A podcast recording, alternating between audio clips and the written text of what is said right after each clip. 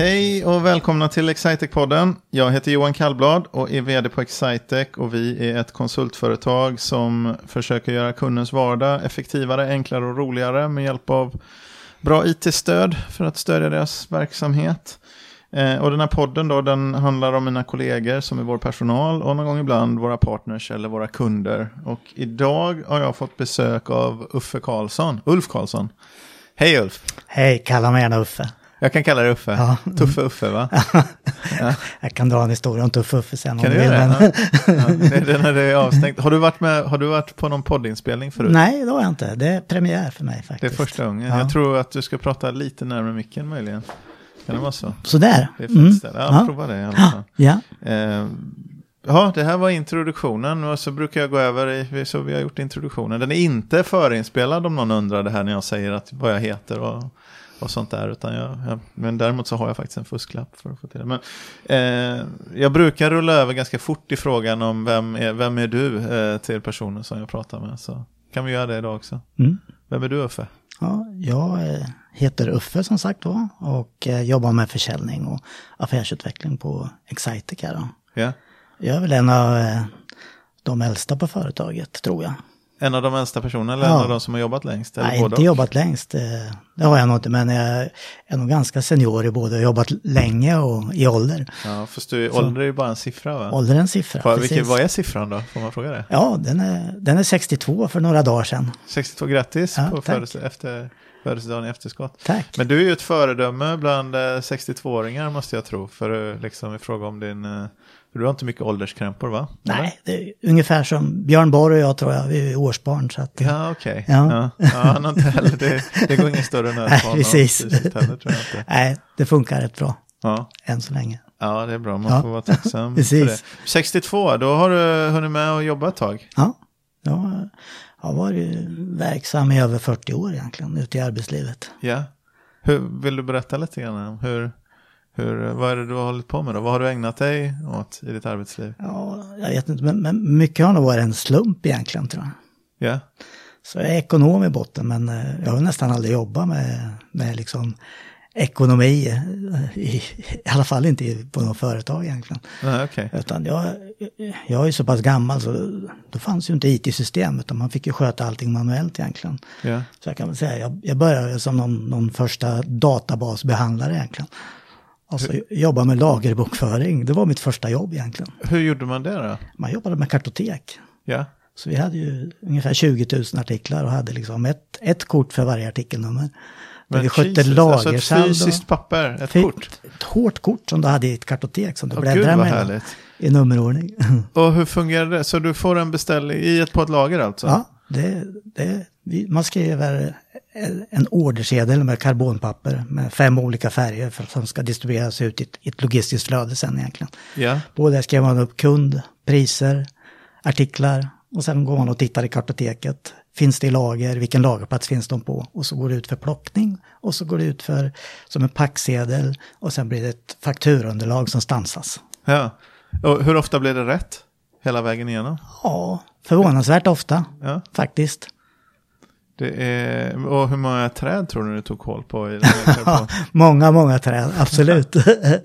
Men, så kartoteket sen, då står det ett lagersaldo antar jag Yes. på det. Så du stryk, när du tar den, stryker du över det eller är det efter att det är plockat? Som någon, Nej, då för man av två stycken och så blir det åtta kvar och så vidare. så lämnar du ut den här till Precis. plocklistan? Och där finns alla priser, det finns beställningspunkter och så vidare. Så att man Jaha, vet så man om man- när du lyfte kartoteket så stod det på den att den här beställer vi nya när, det, när vi har 50 kvar så köper vi. Precis. Och så ska vi beställa en packe på 100 till exempelvis. Ja. Och då såg du, när du kom ner till det och du tog dina två, så såg du, ja nu är det dags, då får jag gå och ta och göra, lägga ett litet inköp här. precis, Eller en inköpsanmodan kanske. precis. I ganska stor utsträckning så är det ju det flödet som vi har automatiserat i våra Ja, affärssystem idag. Precis. Och på den vägen är det. Sen blev jag produktchef på Biltema. Och, Ja, vad innebar det då? ja, då, då innebar det ansvar för ett produktsortiment där. Både vad sortimentet skulle innehålla, sätta priser, göra kalkyler, förhandla med leverantörer, köpa hem och så vidare. Då. För, för mig har ju Biltema alltid varit jättestort, ska jag säga. Ja. Men det, är väl, det bygger på vad man är uppväxt och vad man var intresserad av, tror jag. Men, men eh, Biltema nu är ju ett oerhört mycket större företag. Absolut. Så, så de har väl större sortiment. Men hur var, vad var Biltema på? Ja, det var ungefär som, tror jag, när jag började på Excitec. Nu var Ja. 25 anställda. Ja. Vad var, det, var det postorderförsäljning då? Ja, det var den stora biten egentligen. Och eh, sen fanns det då egentligen bara en butik i Linköping. Ja. Och det vallfärdade folk ut till den Precis. butiken, va? Tror jag jag har hört talas om. Så jag var med på en resa och rullade ut det här i, ja, i nordiska länderna framförallt. Då. Du rullade ut själva Biltema-konceptet? Biltema-konceptet och eh, köpte in Biltemas första affärssystem. Ja. ja. Och var delprojektledare där. Så. att- Ja, men så Biltema på den tiden, de, ni importerade produkter från, kring bilvård och så Ja, det var ju allting kring bilar var det först och främst då. Nu är det ju allting egentligen. Ja. Husgeråd och fritid och sådär. Så. Ja, just det. Men som man importerade och sålde via postorder i huvudsak och I huvudsak. Och sen, Ja. sen vart det ju ett generationsskifte där. Det vart ju butiker som vart den första försäljningskanalen. Ja, just det. Eh, ja, just det. Så, Så- det gick direkt på, ja, så det blev butik sen Precis. snart som blev. Och då skedde ju den stora tillväxten. Och framförallt vart det ju logistiskt sett ett helt annat eh, flöde att hålla reda på då. Ja. Varuförsörja. Var det ett centrallager i, Ja, i Linköping. Ja. Precis. Det här affärssystemet som du köpte in då, var Ja. det, får jag gissa? Ja, Jag gissar på ett gud, att det var gudapaketet. Var det exakt Johan. Du har varit med ett tag Ja, också. jag ett tag också. Ja. Så, nej, men det står gudapaketet är ju liksom, eh, det är ju alla, vad ska vi säga, alla OLF-systems moder, hör Ja. det, orderlagerfakturering, alltså Precis. logistik, partihandel, typ av eh, Precis. verksamhet. Precis. Berätta lite om gudasystemet. Ja, gudasystemet bestod ju av ja, Tor och Sagar och det var liksom olika delar. Ett ganska bra system egentligen som, som innehöll liksom ekonomi, orderlager, fakturering och så vidare. Men på, på en gammal teknik med en, egentligen en, en minidator som man Ja, jobbade i egentligen teckenbaserad miljö. ja. Men ganska kraftfullt egentligen. Teckenbaserad då för våra unga lyssnare, eventuella lyssnare. Det är ett sånt här, en sån här svart skärm med eh, ofta gröna eller gul, röd lysande monokrom enfärgs eh, som det står helt enkelt tecken på. Och vill man göra något grafiskt som man duttat med små bokstäver egentligen runt det. Styrs helt med ett tangentbord och, och, och snabbmenyer. Ja, fina grejer. Ja, Snabbkommandon. Ja. Det går undan att lägga en order. Precis. Ja, det är inga så här väntetider och svartstider att vänta på. Ingen så här https kolon snedstreck snedstreck och vänta på att något laddar. Exakt. Så för minidatorsystem, hur många gudapaket tror du finns där ute i produktion fortfarande? Det kan inte vara många nu va? Jag vet att Biltema faktiskt har kvar eh, det i botten. Ja, Fast man har anpassat det, men det kan inte vara många. Nej. Hur, eh, från början byggdes de för att köras på Datasaabs eh, Ja, det var- hårdvara, eller var det så? Ja, det var Datasaab och sen var det Ericsson som tog över det och sen Ja. var det Nokia. Ja, för de, eh, de hårdvaruplattformarna, det var ju på den tiden operativsystem och programvaror och sånt när det hängde ihop liksom. eh, Precis. På ett annat sätt, men det, det kan inte vara lätt att få tag i hårdvara till. Det har kommit några generationer. Ja, men de har portat det där till något eh, Unix-system och sen har Ah, det gått okej. vidare. Så, Ja, ja, så ja. några lever kvar för att Ja. de... Eh, va- Ja, just det. Ja, men eh, intressant. För det var nästan, alltså, data som de här minidatorerna, det är sånt som sedan i stort sett blev ersatt av AS400 system nästan och Movex och, och liksom den generationen Movex och ASW från IBS och precis. den generationen som nu faktiskt ska man erkänna känns ganska gamla Ja. då. Men, men Var, så det är ja, två. Egentligen var det inte så stor skillnad tror jag, på de två. Ja, det är inte så stor skillnad på dem. Eh, Nej, det var en så- modernare, ja. tek- nej, ja, Ja. det är ganska mycket och sen kom det lite faktiskt. läppstift på så det var lite bättre grafik på det hela egentligen. Ja. Alltså. Ja. Gränssnitt så. Och sen Mm. kom det client-server, så Ja. det blev lite grafiskt. Ja. Och sen så var det någon som kom på att det här med att ha datorkraften ut till klienterna är ju ganska vansinnigt. Och så Precis. uppfann man internet. Precis. Och så hade man gjort samma arkitektur egentligen som i gudasystemen, fast, eh, fast modernt. Ja, För det är en bättre arkitektur, ja, tror jag. precis. Egentligen, men det där. Ja, fördjup, Fördjupningspodd. Om, om, eh, men då förstod du, när du började stoppa in gudasystemet här då, eller datasystemet, OLF-systemet, så, så då var det ändå så att då kände du, det som du relaterade till var hur man hade gjort det här med papper och penna innan. Exakt. Eh, Så var det. Man hade ju gjort det här med papper och penna och skulle digitaliseras egentligen. Mm. Så, så var det. automatisera de, de flödena. Ja. Ja, och eh, så vad, vad hände sen då? Så du gjorde det här, kö- köpte in och var med och implementerade det här datasystemet. Ja, sen gjorde jag några resor till med att jobba med inköp logistik till jag egentligen och var med och köpte in affärssystem också på Ja. Ytterligare några bolag. Eh, men sen, ja, man fastnade ju i, i det här facket på något sätt och tyckte att det var så roligt och även då så, så började den här sälj, sälj liksom nerven komma. Ja, Jag hade jobbat en del med försäljning men just inte inom IT då så att eh, det var väl det som drog. Så Ja. då, då sökte jag mitt första jobb inom IT-branschen och, Ja. och fick det i Åtvidaberg. Åtvidaberg. Ja. Ja. Och vad gjorde du där då? Då sålde vi NPS-system, Ja. utvecklade och sålde NPS-system. Så Ja. eh, små och medelstora företag. Var det någonting som hade kommit från, liksom, finns det någon facitkoppling och den Ja, typen? exakt. Ja, Mm, precis. okej. Eh, Och, Systemet hette eh, DAMAPS. ja, just det, Damaps. Ja. men det har man. Det heter något som Svealag någonting tror jag idag. Det finns lite delar Ja. av den. Så att, så. Ja, ja okej. Ja, och sen var du på IFS som inte minns. Ja, jag gjorde en resa i lite AS 400 miljö också på, på IBS. Ja, ja. Och eh, sen var jag med egentligen, och det första Windows-systemet kom egentligen, riktiga Windows-systemet på affärssystemsplattform. Och det var ju på IFS faktiskt. Ja. Kändes IFS klart modernare då än, än de andra?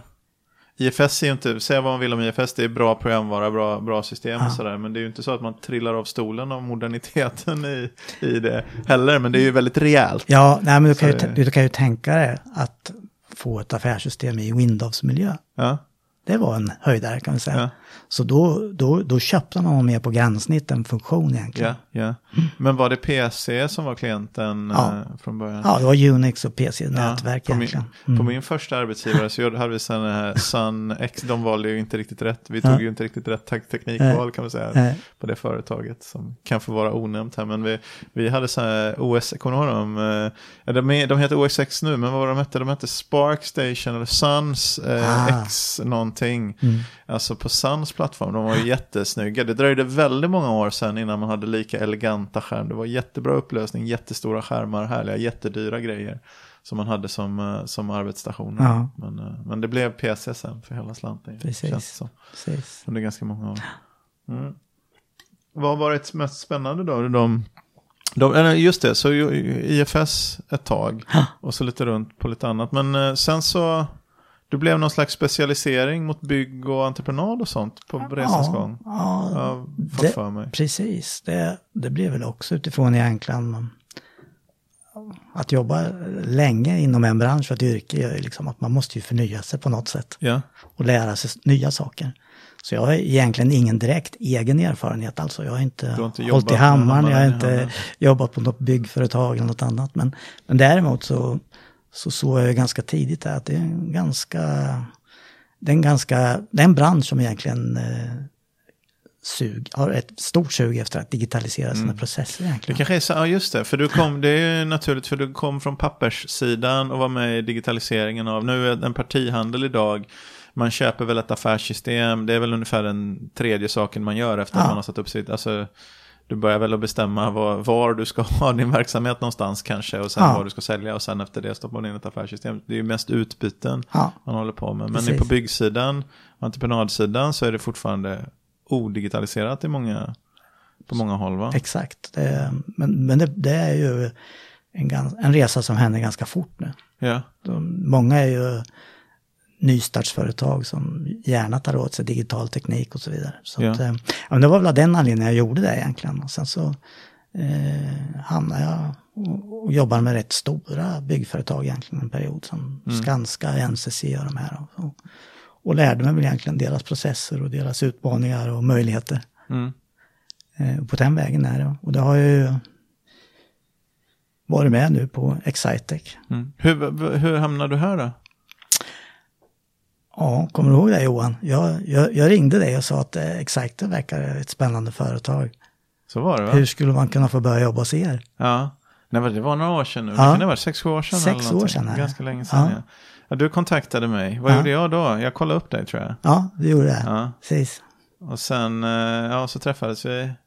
Vi satt väl och pratade några timmar. Mm. Och sen, eh, ja, tyckte väl båda två att ja, men det här det känns bra. Ja.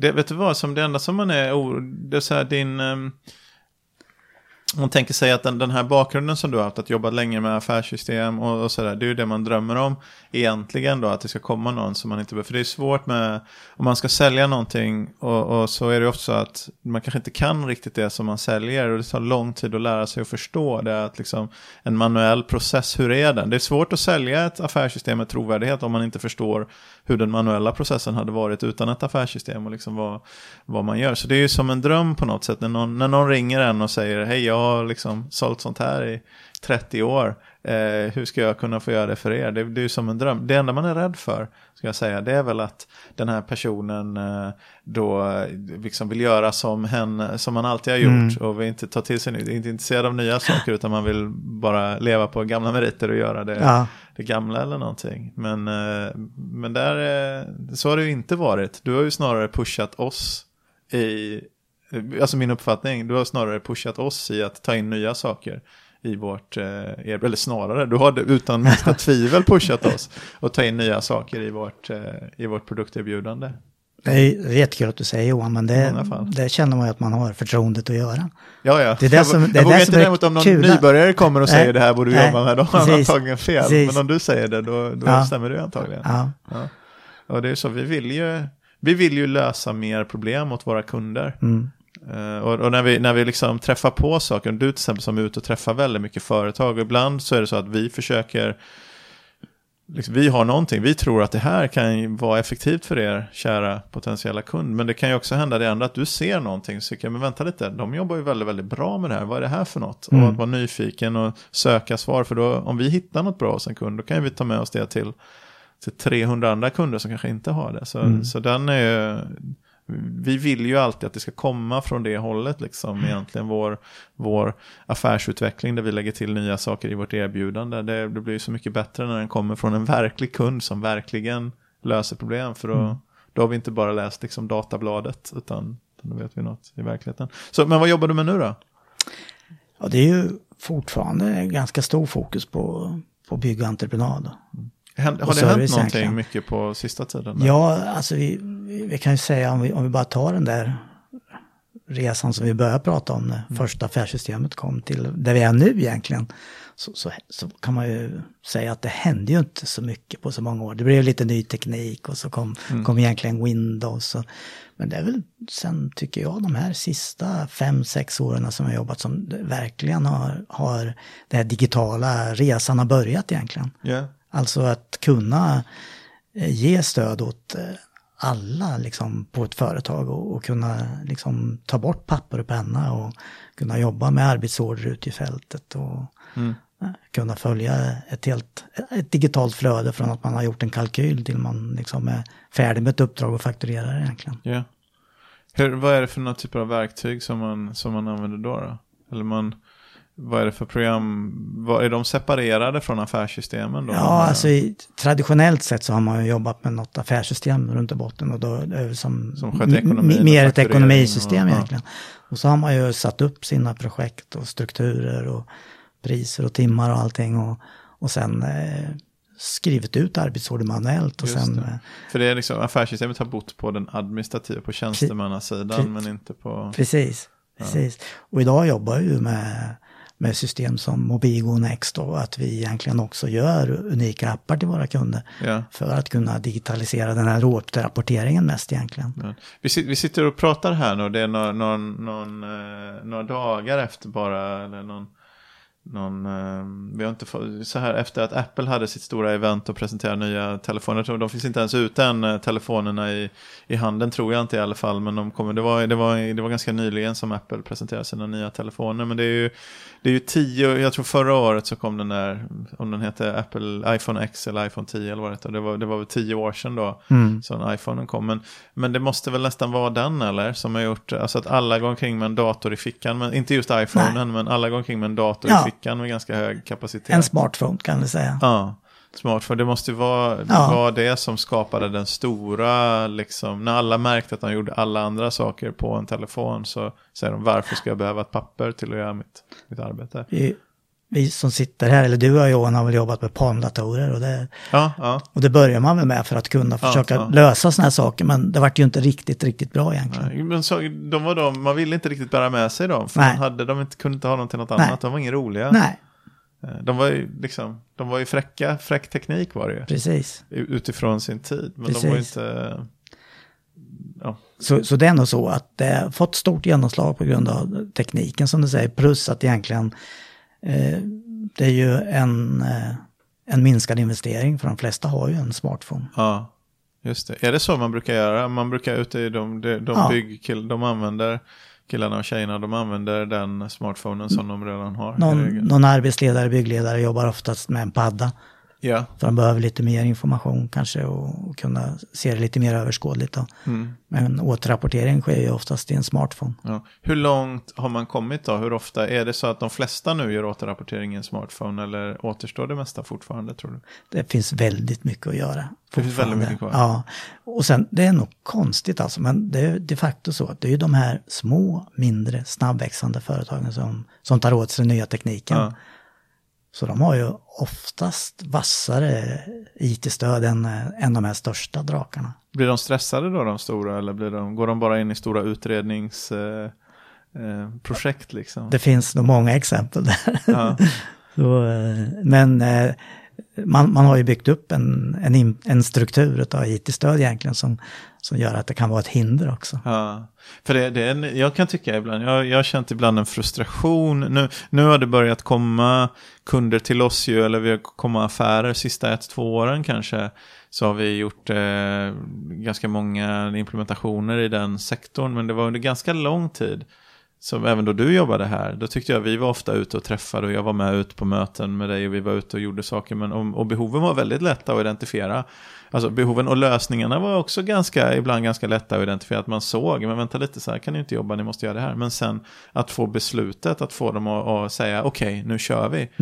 Kändes helt hopplöst. Så valde de istället ibland att köpa alltså, ganska gamla program. Det finns några programvaror på marknaden. Vi det här är inte programvaror, liksom, det här är inte, inte podcasten då vi pratar om våra konkurrenter egentligen. Men det finns ju några gamla branschsystem kan man säga som, som inte är up to par i fråga om modernitet. Som, men, men kunderna har haft svårt att liksom ta säga att liksom det, är, det utgår inte från administrationen och tjänstemannasidan det, det vi gör utan det, det är ute i fält som du måste stödja arbetssätten.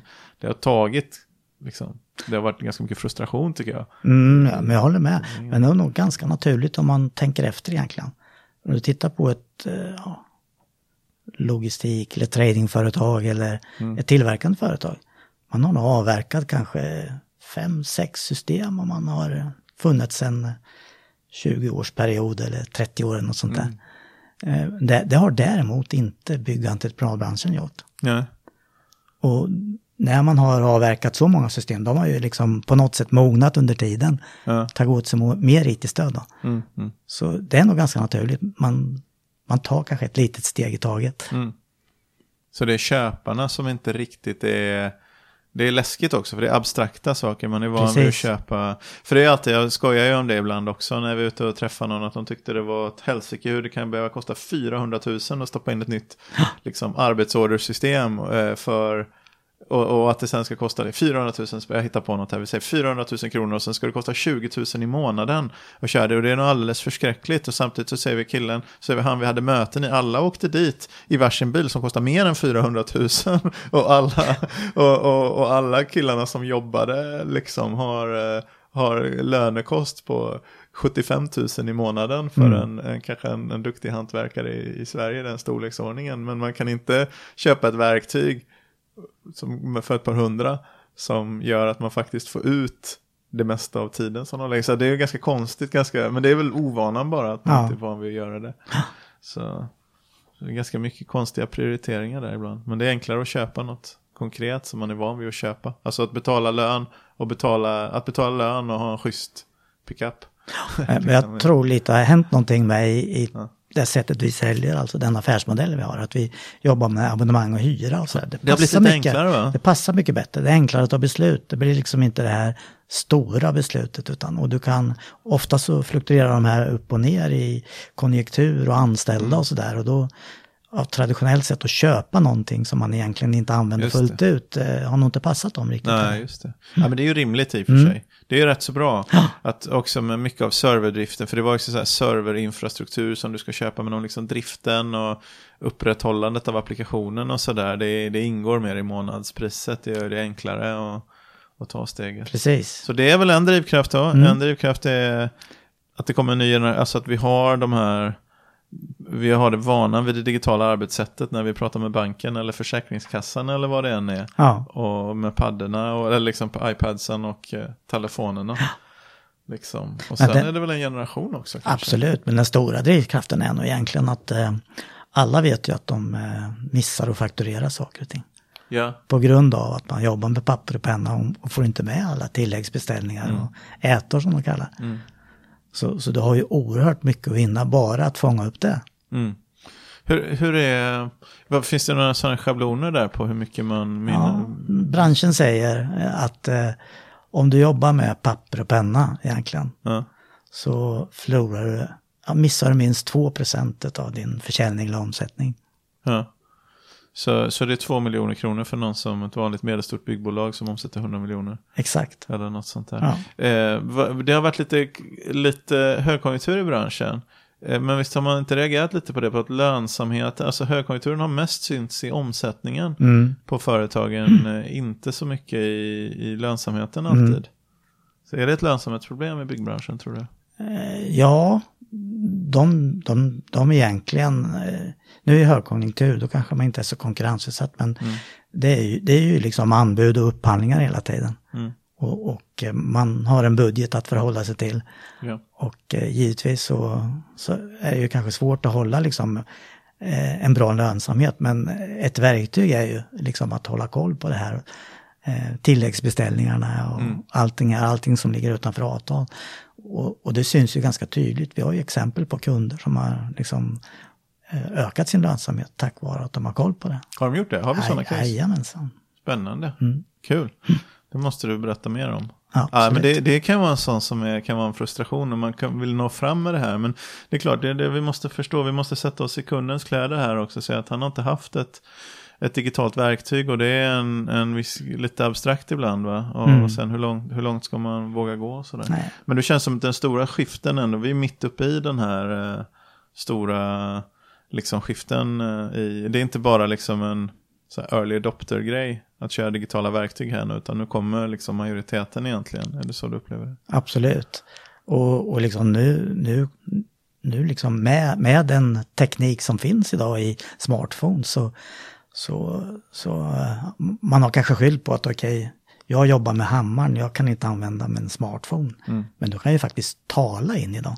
Ja, just det. Alltså kan ju berätta vad du har gjort. Ja, ja. Ha, hoppas den funkar bättre då än Siri gör för mig när jag försöker prata in. eh, ehm, du, jag har kört sönder hela, hela tidsschemat här för jag blev så fascinerad av de här, men, eh, och de här berättelserna om, om den tidiga tiden. Så vi har hållit på rekordlänge redan tror jag. Men vi har ju ett segment här på podcasten som heter att någon berättar om något. mm. Eh, och jag har faktiskt inte gjort det än. Så, men Uffe, jag förvarnade dig innan. Mm. Du ska få berätta om något och välja ämne själv. Ja, jag, jag är ju löjligt intresserad av fotboll. Ja, Och det kan man ju liksom undra hur man har blivit där, men, men det kan jag ju säga att det är ju av arv och tradition. ja, Så mina föräldrar var ju fotbollsnördar. Jag, jag följde med till Åtvidaberg på varenda match då. Vill inte farsan åkte så åkte morsan och jag. Det, det var liksom grunden i det. Sen har jag ju spelat fotboll, kanske alldeles för länge till jag var 45 då. oj, ja. Eh, men sen tror jag, att för mig har det varit hjärta liksom. Det har inte varit att konsumera eller spela fotboll, utan det har varit att tillhöra ett lag en längre tid liksom. Och, och uppleva den här gemenskapen och liksom att skapa någonting tillsammans. Mm. Plus liksom att följa ett lag också sådär. Har du, har du följ, när du inte kunde spela längre, har, Ja. du, följ, har, du, har du blivit följande av ett lag? Ja. Har översatt? Eller Jag, jag, jag är ju ja, Åtvidabergare i botten kan man säga. Det är ju det är ju mitt lag i hjärtan. Men sen har jag ju, sen, sen är jag ju, sen har jag ju lite anglofil också, så jag gillar den engelska kulturen och allt det där. Så jag har ju följt Everton sedan 70-talet. Ja. Hur, hur går det förresten nu? För du hade ju Åtvidaberg pratade du om där. Och de, är inte, de har ju inte gjort sina bästa säsonger de två senaste. Nej. Tre senaste. Hur, de, de, de är ju nere i ettan nu, men de har ju varit nere i trean en gång och gått upp i allsvenskan igen. Så det är, så det är, hoppet det är ju ett är- sånt lag som har, som har kultur. mm. Och som har på en liten ort liksom eh, klarar av det här att resa sig igen. Men är det Åtvidaberg och Everton då som har den speciella platsen? Och de har ju liksom de är ju blå adresser båda två. Så Ja. att, nej, Everton har, första gången jag var i England och såg fotboll, det var 1973 och då såg jag, då såg jag Everton mot, eller Chelsea mot Everton i London. Ja. Och då vann Everton med 3-1 då, och då fanns det en riktig, riktig goalgetter som hette Bob Latchford. Då. Ja. Sen dess har jag följt Everton. Ja. Du, eh, spelar Rooney? Ron, Rooney spelar i USA nu. Ja, just det. Han stack, men han var ett år han, han- han var ett år men Ja. eh, han, han gjorde något bra jobb men, men var nog lite för dyr för klubben egentligen. Så att, eh, Det kan man väl tänka sig. Ja. Hur går det för klubben då i övrigt? ja, de har ju börjat rätt bra. Ja. Eh, de har inte förlorat en enda match än. Ja, Eh, men de borde ha tagit lite mer trepoängare. Men Ja, de har ju fått lite styr med, med ny tränare och lite nya nyförvärv och lite mer Mm. pengar till klubben. Så att, eh, Det är ju ett, ett av de mest framgångsrika Premier League-lagen någonsin. ja, ja. Topp fem. Så det är din rekommendation egentligen? Ja, ja, ja, jag kan väl säga så här att eh, det är ju roligare att hålla på ett eh, lite mindre lag än de här topplagen som alla andra håller på. För om du är England då blir du uppmärksammad om du håller på Everton kan jag säga. Ja, okej. Ja. Du får en helt annan tillgång till de personerna som också håller på Everton. Ja. Så jag är, jag är VIP-inbjudan och komma att- och sitta i VIP-logen och titta på matcher där och så vidare. Jaha. Så Hur, hur har det blivit så då? det är bara att gå på en match och så gå på de lokala pubarna så Ja. du tjata lite med folk. och Lång sen- och uthållig eh, Precis. trohet Precis. till, eh, till Everton. Ja. Du, finns det någonting som du, vi, vi, det är som sagt rekordlångt redan så vi får runda av här. Men vad, eh, finns det någonting du säger om Excitec i övrigt som eh, något vi borde göra annorlunda eller skärpa oss på eller vad, eller något positivt? Ja, nej men jag, jag tycker jag har blivit exakt äckare. Ja, Jag gillar ju liksom eh, Excitec och har ju varit med på en resa där jag växt ifrån, vad var vi, 30 när jag började, mm, till idag 150, eller vad är vi Johan? mm, något sånt. Det Och- går aldrig att hålla reda på, man vet aldrig exakt hur många anställda Nej, man är. Det är precis. viktigt. Inte ens om man jobbar med beslutsstöd Nej. vet man det.